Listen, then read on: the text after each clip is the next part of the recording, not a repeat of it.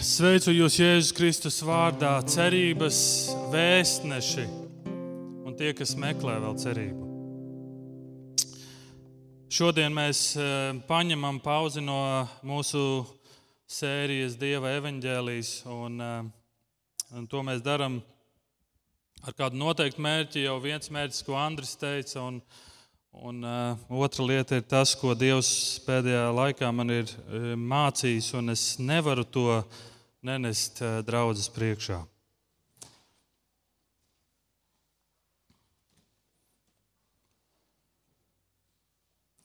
Un tāpēc uh, Es gribu sākt ar lasījumu no otrās mūža grāmatas, un es aicināšu piecelties. Es zinu, jūs apsēdāties.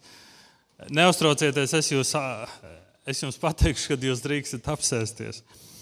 Bet lasīsim no otrās mūža grāmatas 33. nodaļas, no 12. līdz 19. pantam.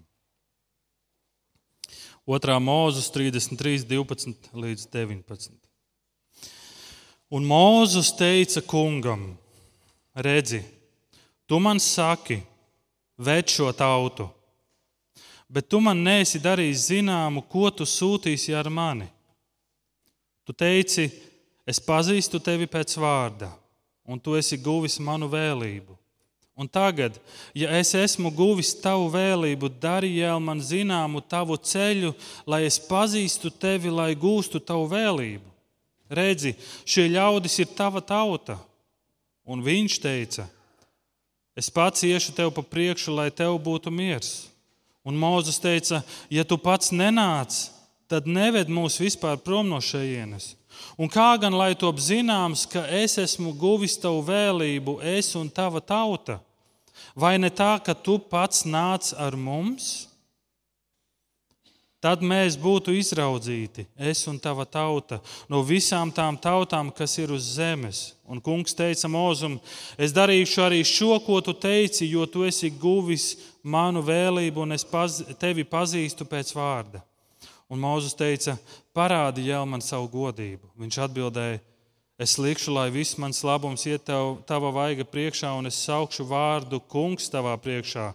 Es būšu žēlsirdīgs pret tiem, pret kuriem būšu žēlsirdīgs, un es apžēlošos par tiem, par kuriem apžēlošos. Āmen. Lūksim Dievu.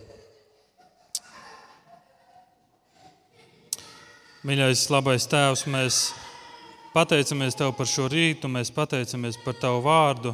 Un, eh, mīļais debes Tēvs, es ļoti lūdzu, um, piedod lūdzu mums mūsu grēkus.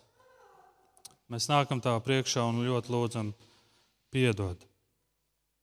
Piedod tos grēkus, ar kuriem cīnāmies, ar kuriem nevaram tikt galā, ar kuriem negribam tikt galā. Grēki, kas mūsu dzīvēs ir mīļi. Lūdzu, piedod, piedod mūsu netaisnību. Un piedod bieži vien, kad mēs dziedam dziesmas, spēcīgus vārdus, un ka tie vārdi mūsu dzīvē neko nenozīmē bet tu esi mūsu cerība. Un tu esi mūs aicinājis šo cerību nest tālāk. Piedod, ka mēs esam to pazaudējuši kaut kur. Piedod, ka mēs esam aizmirsuši to, ko tu esi mums devis, kas esam mēs, kas esi tu. Un piedod, ka šī cerības lampa nespīd vietās, kur tai būtu jāspīd. Tāpēc es ļoti lūdzu, Jēzu, ka tu atver mūsu acis, atjauno mūsu skatu uz tevi un eh, dari mūs praktiskus tajā, uz ko tu esi mūs aicinājis. Svētī savu vārdu, svētī mūs, esot kopā. Kalpo mums, mīļais debes Tēvs. Tavā vārdā to lūdzu. Āmen. Lūdzu, sēdieties, draugi!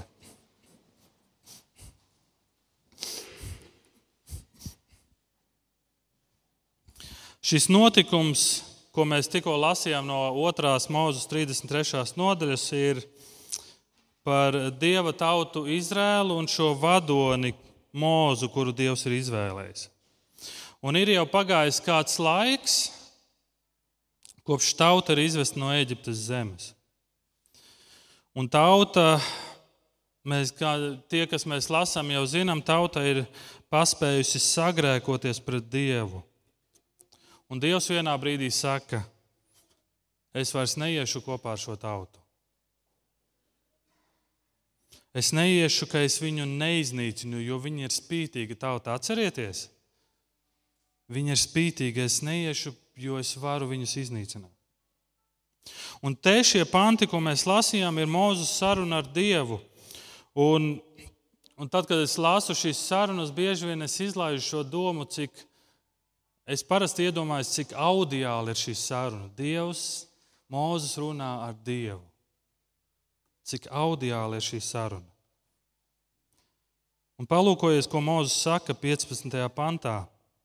Mozus teica, ja tu pats nenāc tad neved mūs vispār prom no šejienes. Dievs, ja tu nenāc, neved mūs prom no šejienes. Un tad Mozus turpina šo svarīgo domu, un viņš jautā jautājumu, kas vēl atšķirs mani un tavu tautu no visiem citiem cilvēkiem uz zemes? Kas vēl? Kas vēl atšķirs mani un tavu tautu no visiem citiem cilvēkiem uz zemes? Vai tu esi uzdevis kādreiz šo jautājumu? Ja tu sevi sauc par kristieti, ar ko es atšķiros no citiem cilvēkiem? Ar ko es kā kristietis, kā ticīgs cilvēks, atšķiros no tiem, kas netic? Paceliet roku, kuri no jums esat uzdevuši šo jautājumu kādreiz. Aha, tā ir gandrīz visi maleči, paldies. Ļoti svarīgs jautājums, ar ko, ar ko tad es atšķiros? Man patīk tā doma, ko Mozus mums atklāja. Mēs no citām tautām atšķiramies ar to, ka Dievs ir ar mums. Mēs no kristietes, no neticīgā atšķiras ar to, ka Dievs ir ar mani. Dievs ir ar mani.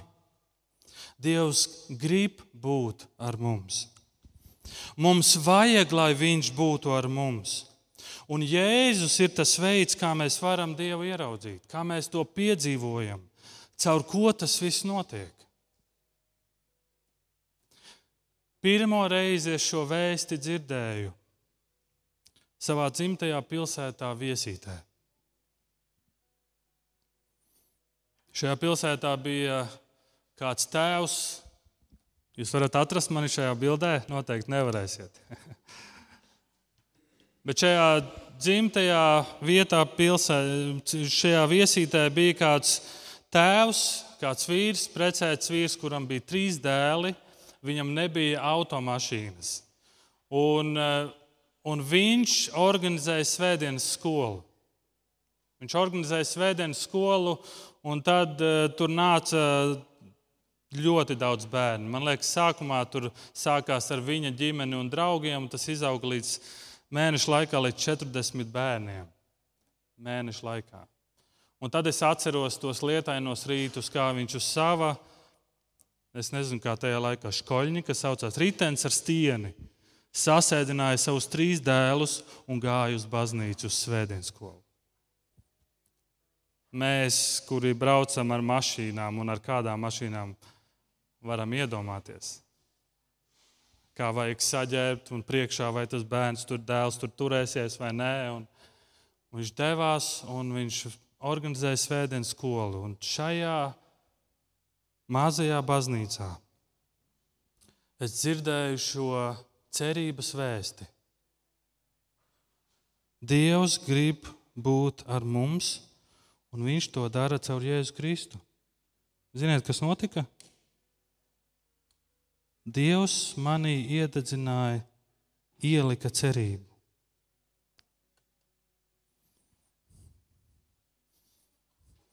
Manā dzīvē ienāca cerība.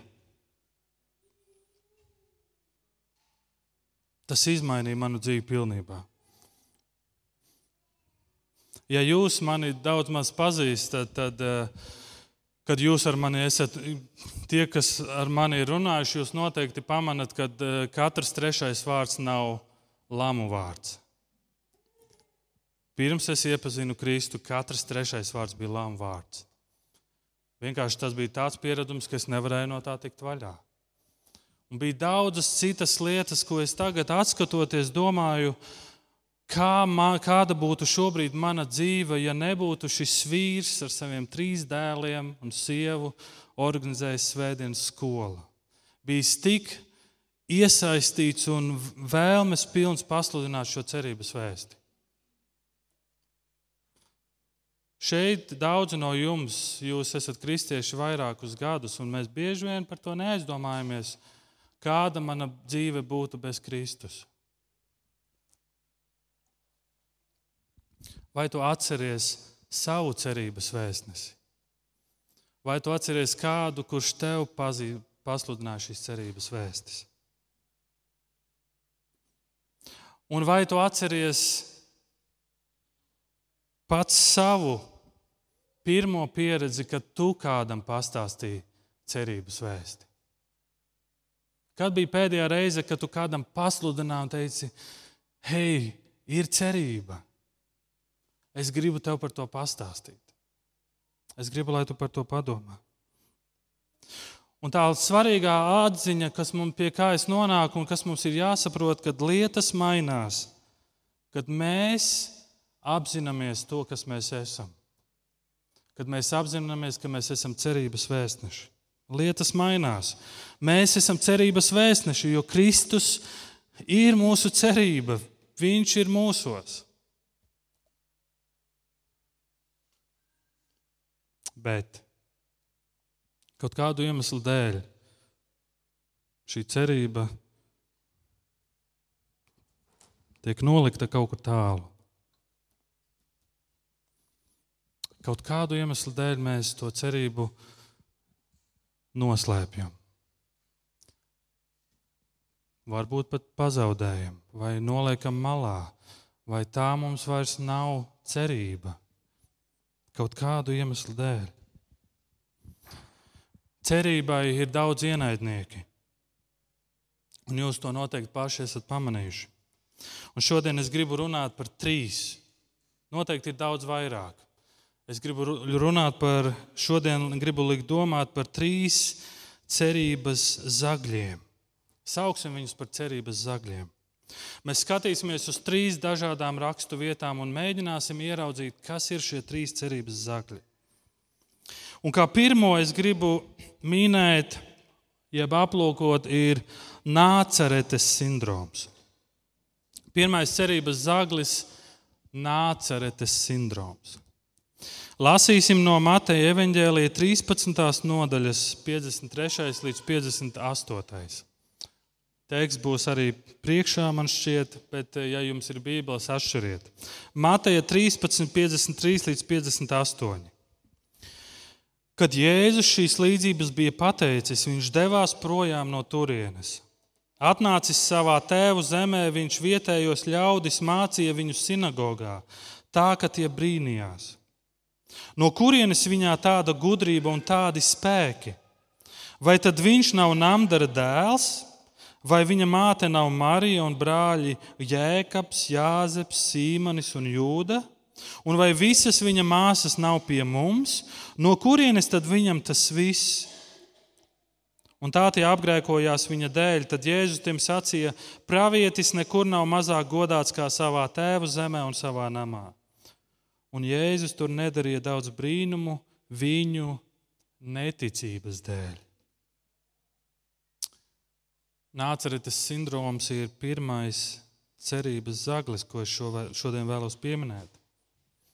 Jēzus ir kopā ar cilvēkiem, kuri Jēzu pazīst ļoti labi, kuriem būtu jāzina Jēzus visvairāk, vislabāk bet šī informācija kaut kādā ziņā nav pārtransformējusies ticībā. Tas, ko viņi dara, viņi fokusējas uz citām lietām. Un paskatieties šajā tekstā, cik daudz jautājumu tiek uzdoti.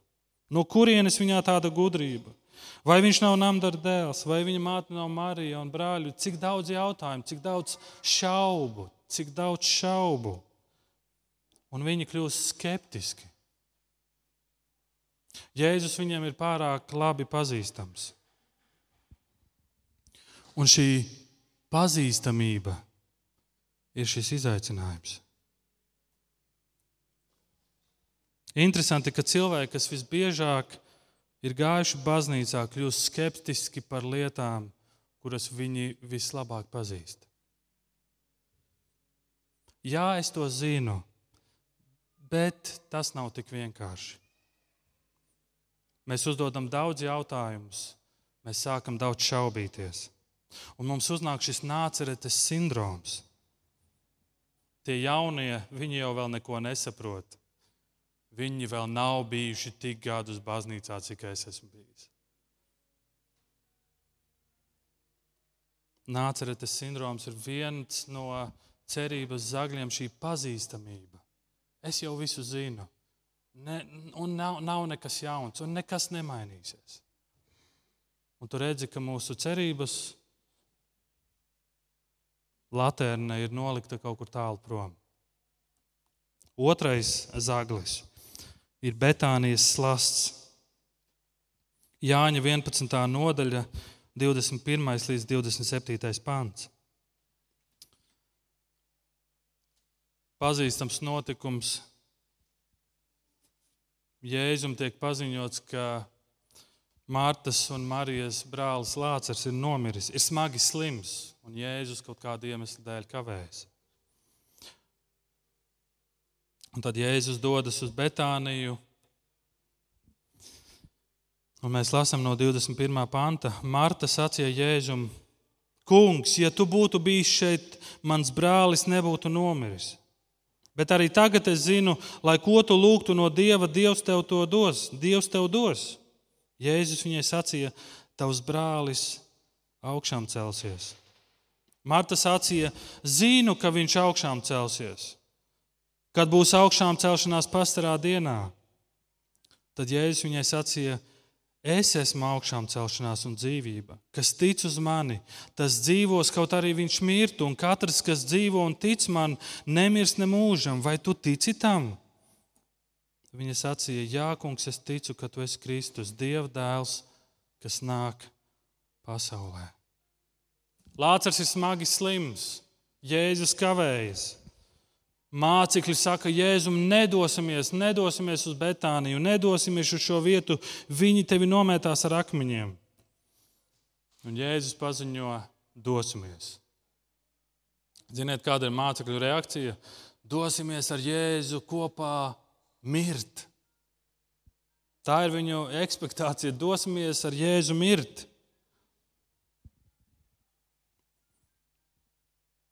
Kad Jēzus ierodas Betānijā, Viņš satiek Martu. Kungs, ja tu būtu bijis šeit, mans brālis nebūtu nomiris. Jēzu, tu esi nokavējis. Tu esi visu nokavējis.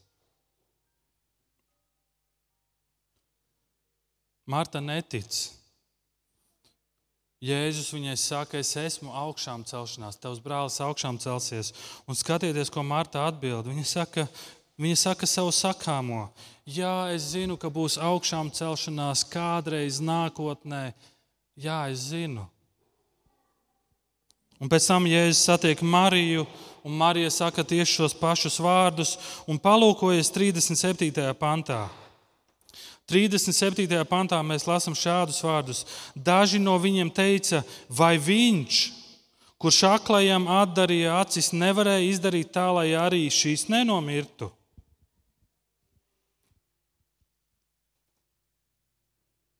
Betānijas slasts ir vēl viens cerības zaglis. Mums ir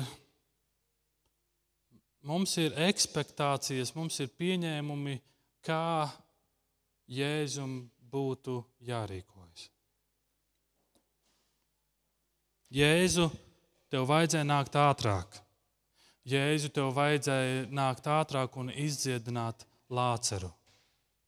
Jēzu, tev vajag šo darīt tieši šādā veidā, kā es to esmu iedomājies. Tās ir manas expectācijas. Un kad mūsu expectācijas nesakrīt ar to, ko dara Jēzus un kā viņš to dara, mēs sastopamies ar lielu vilšanos.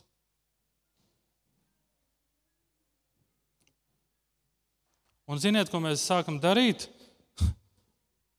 Mēs šo savu cerības lampu noliekam kaut kur tālu, tālu prom. Kāpēc? Lai es nesastaptos ar vilšanos. Jā, labi, mēs mirsim. Jā, es zinu, būs augšām celšanās kaut kad nākotnē. Ja tu būtu bijis ātrāk, vai tev kādreiz ir bijušas šīs expectācijas, lūkšanas uz Dievu? Dievs, tu redzi manu situāciju, Dievs dziedini mani, Dievs palīdzi man, un Dievs dari šo tieši šādā veidā. Paceliet rokas, kuram ir bijušas šādas expectācijas. Un es gribētu celt augstu šo roku.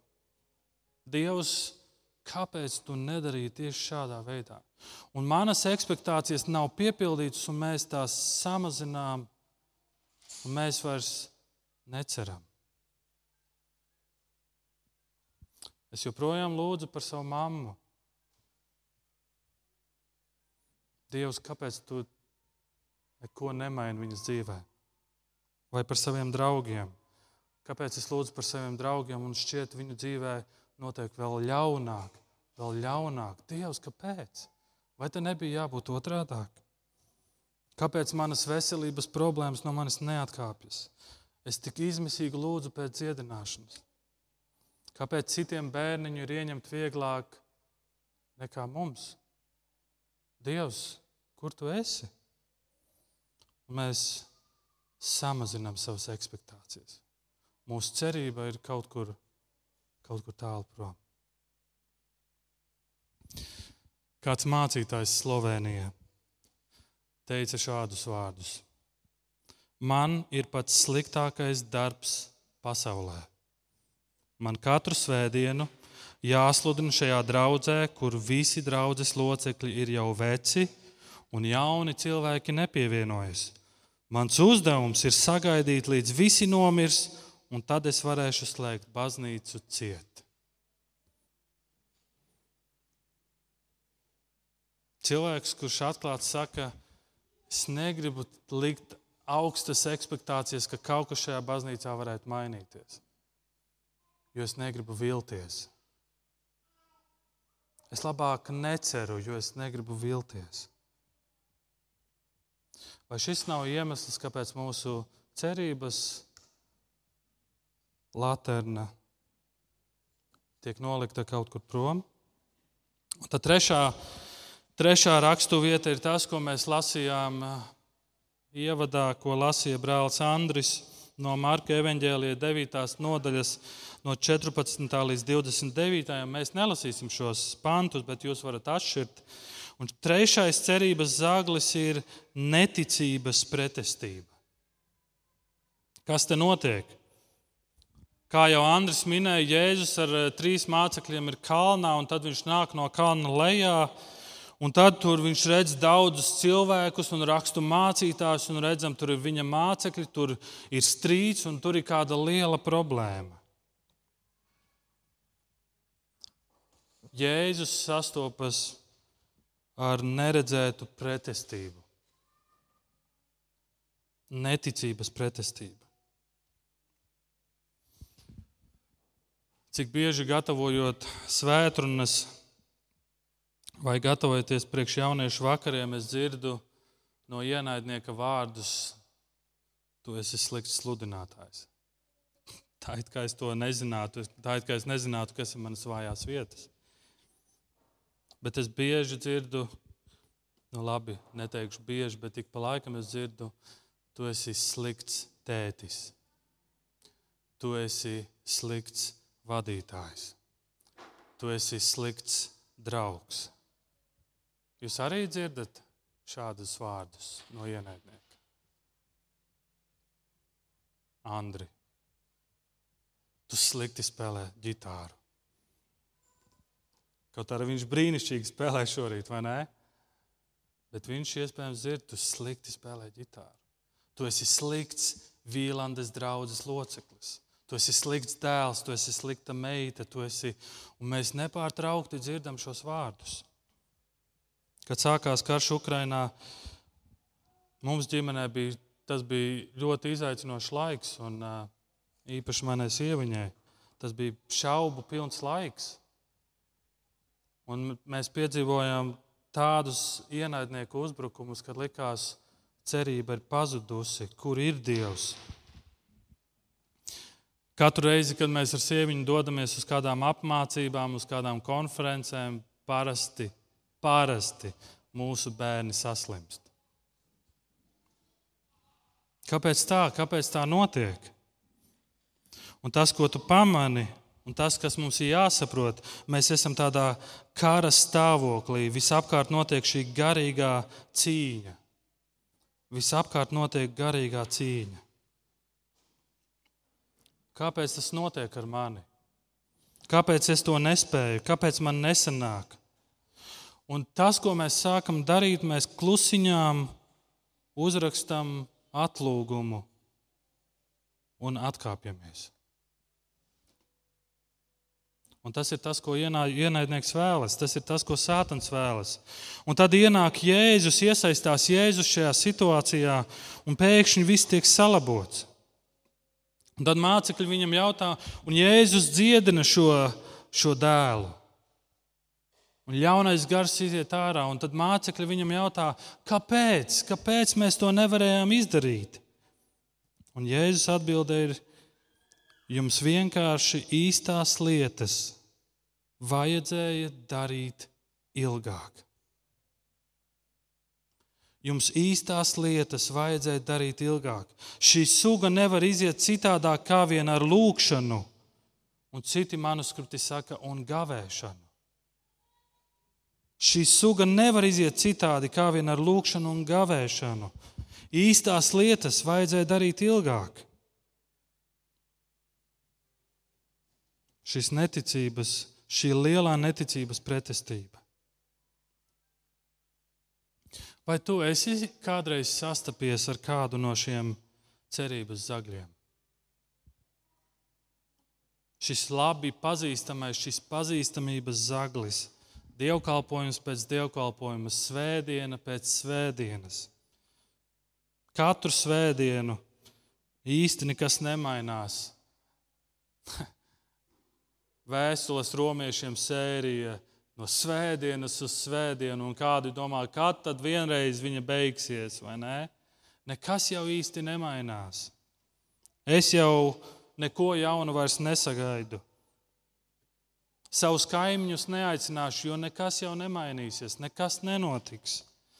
Un nav nekā jauna šajā pasaulē, ja tu klausies Latvijas Rādio 1. Evangelizācijas dievkalpojums atkal Tas viss ir tik pazīstams, un vispār man ir daudz jautājumu. Man ir ļoti daudz jautājumu. Vai arī to sastopies ar vilšanos? Tādu vilšanos, ka tu savas expectācijas samazini, un tu negribi vilties, tu gribi izvairīties no sāpēm, un tāpēc tu saki, es labāk pārtraukšu lūgt, jo Dievs jau nedzird. Dievs neatbildēs, jo iepriekš viņš nerīkojās tā, kā es to gribēju.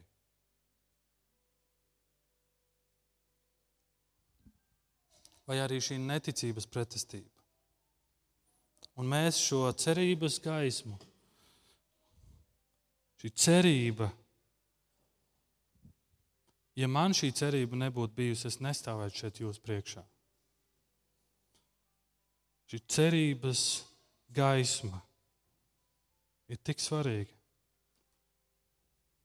Kā to nepazaudēt? Un ir tikai viena atbilde uz šo jautājumu. Un atkal tu domā, ak, nē, atkal šis ļoti pazīstamā atbilde, svētdienas skolas atbilde, Mozus vai Jēzus, vai nē? Ko tad citu? Vai nu Mozus, vai nu Jēzus? Bet, mīļie, ir tikai viena atbilde, un joprojām ir tikai viena atbilde, un tas ir Jēzus Kristus. Labās ziņas paliek nemainīgas. Evanģēlijs paliek nemainīgs. Jēzus paliek nemainīgs. Un Pāvils saka, nolādēts, kurš sludina citu evaņģēliju, jo cita evaņģēlija nav.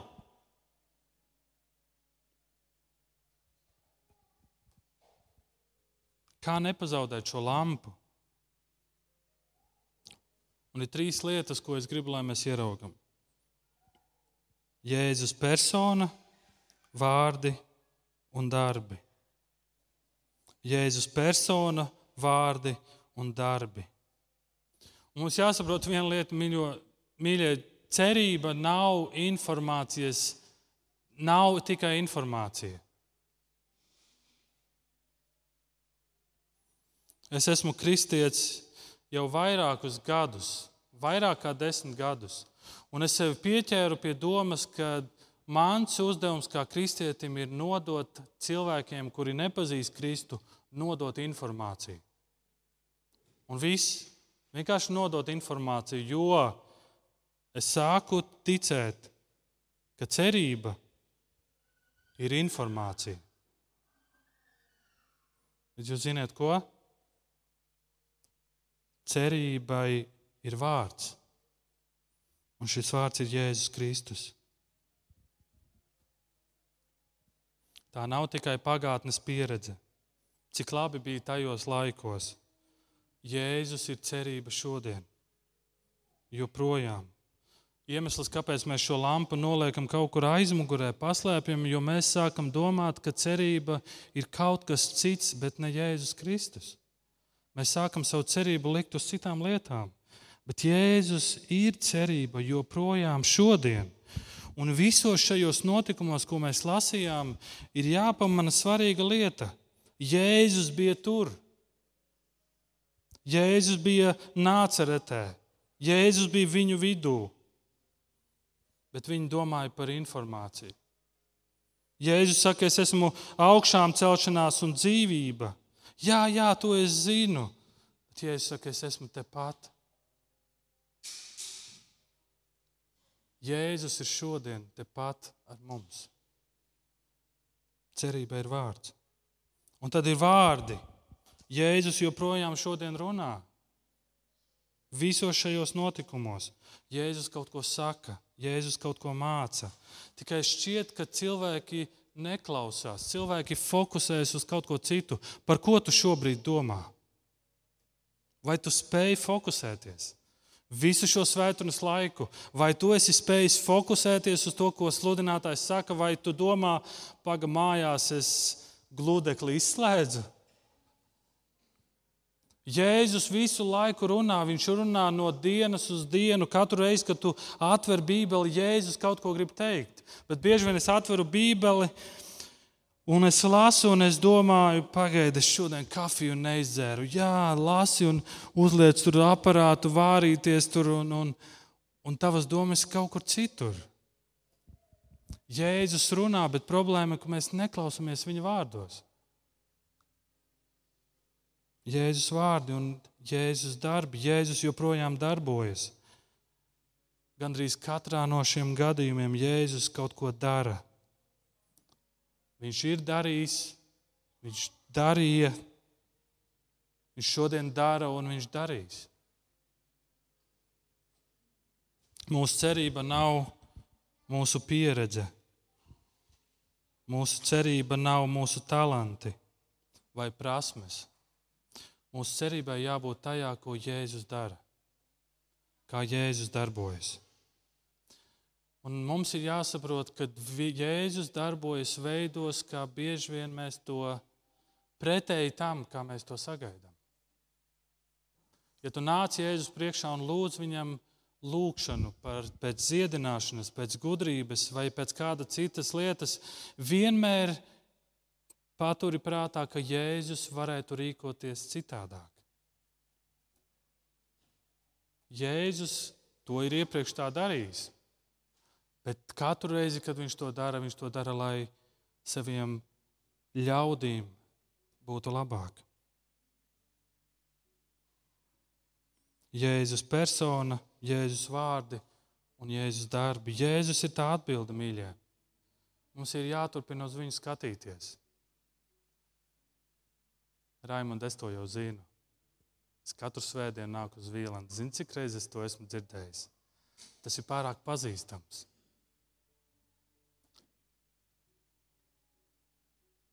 Bet katru reizi, kad tu aizbrauc uz ķemeru sanatoriju, uz skaisto parku pastaigāt vai uz kādu taku un ieraugi tur tantiņa ratiņkrēslā, vai tu apzinājies, ka viņai vajag šo cerību? Vai tu apzinājies, ka viņai, ka tev šī cerība ir visur, kur tu ej? Šī cerība ir ar tevi. Vai tu apzinājies, ka tev ir šī cerība, ko tu vari dot citiem, ar ko tu vari dalīties, ko tu vari rādīt?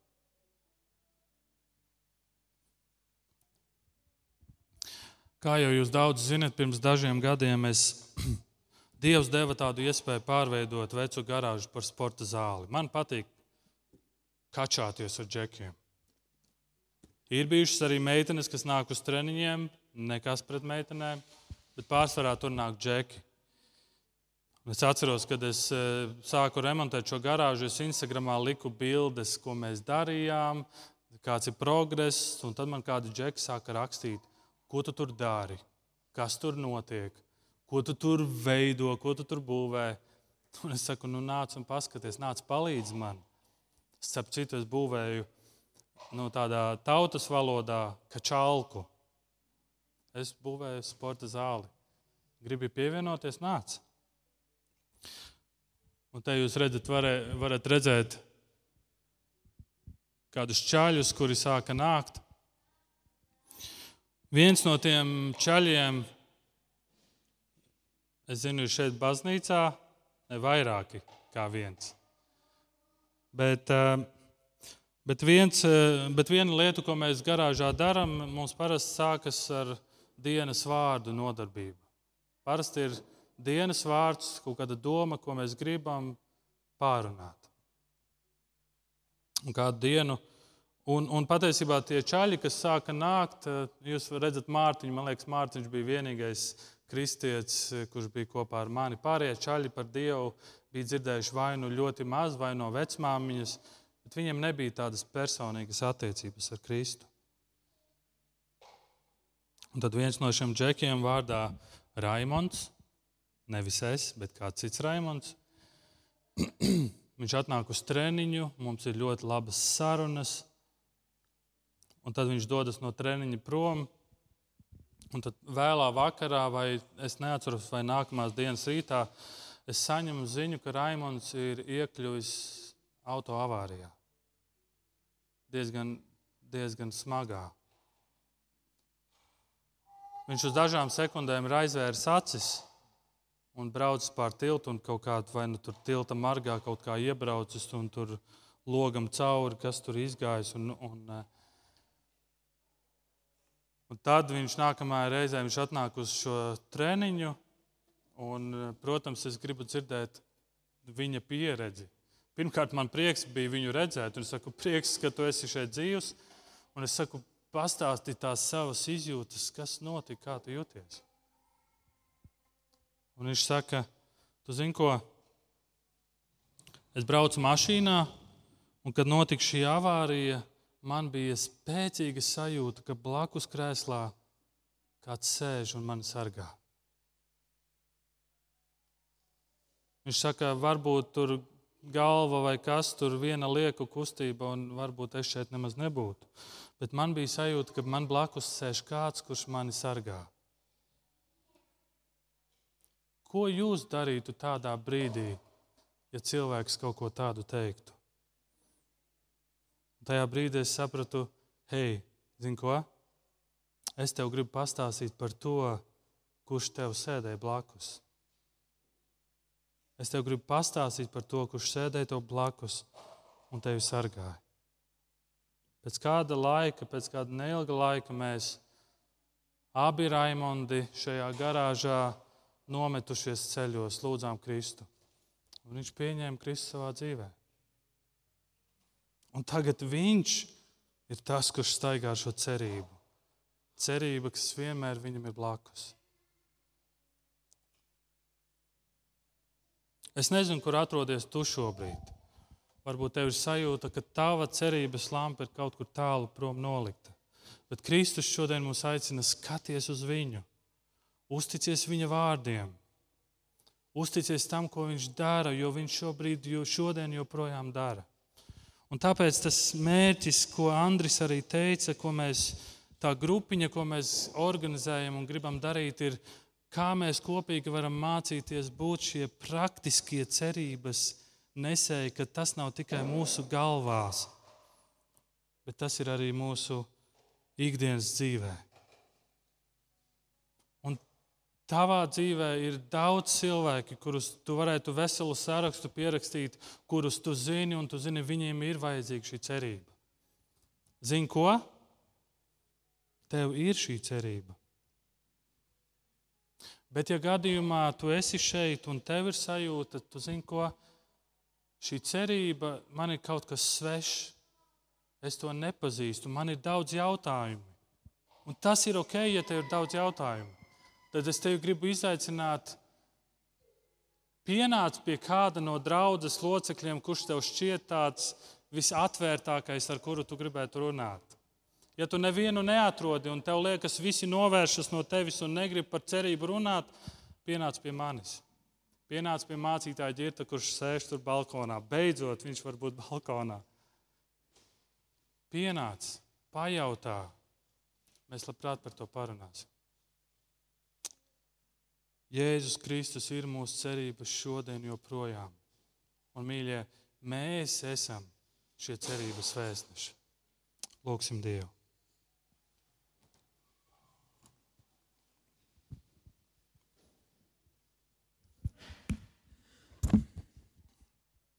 Jēzu Kristu, paldies Tev, ka Tu esi nemainīgs, Tavs vārds ir nemainīgs. Un paldies, ka Tu joprojām esi mūsu cerība. Piedod, ka mēs esam noticējuši šiem cerības zagļiem vai nespējuši tikt tam pāri un esam to aizmirsuši. Esam iedzīvojušies savā ērtumā, vai, vai neuzskatām par vajadzīgu cilvēkiem dalīt šo cerības vēsti. Jēzus palīdz mums ieraudzīt, ka tu gribi mūs lietot. Ka šis cerības evaņģēlijs ir tas, kas patiesībā ikvienam visvairāk ir vajadzīgs. Nevis jauni budžeti, nevis jauni atbalsti, bet cerība kas esi tu. Jēzu Kristus ļoti lūdzu, ka tu atjauno to mūsos. Un varbūt mums pašiem ir vajadzīgs atjaunot šo cerību, kuru mēs esam aizmirsuši. Es ļoti lūdzu, ka tu nāc šodien un atjauno to mūsos. Jēzus Kristu palīdz mums. Palīdz mums būt tik drosmīgiem, ka katrā vietā, kur mēs ejam, mēs varētu būt šie cerības vēstneši. Palīdz mums nolikt šo latviskumu, kautrīgo latvieti malā un kāpt pāri šīm barjerām un pasludināt šīs cerības vēstis. Palīdz mums gaidīt uz tevi un apzināties, ka visur, kur ejam mēs, nāc arī tu, ka tu vienmēr esi līdzās. Svētī mūs kā vīlans draugs un palīdz mums mācīties to, kā praktiskā veidā mēs to varam darīt. Palīdz mums meklēt tevi. Palīdz mums katru dienu, sākot dienu, lūkoties uz mūsu cerību. Kad mēs nobeidzam dienu, mēs skatāmies uz tevi, Kristu. Un ka tas nav pienākums, tā ir mūsu vēlme to darīt. Lūdzu, svētī mūsu Jēzu, Tavā vārdā. Amen.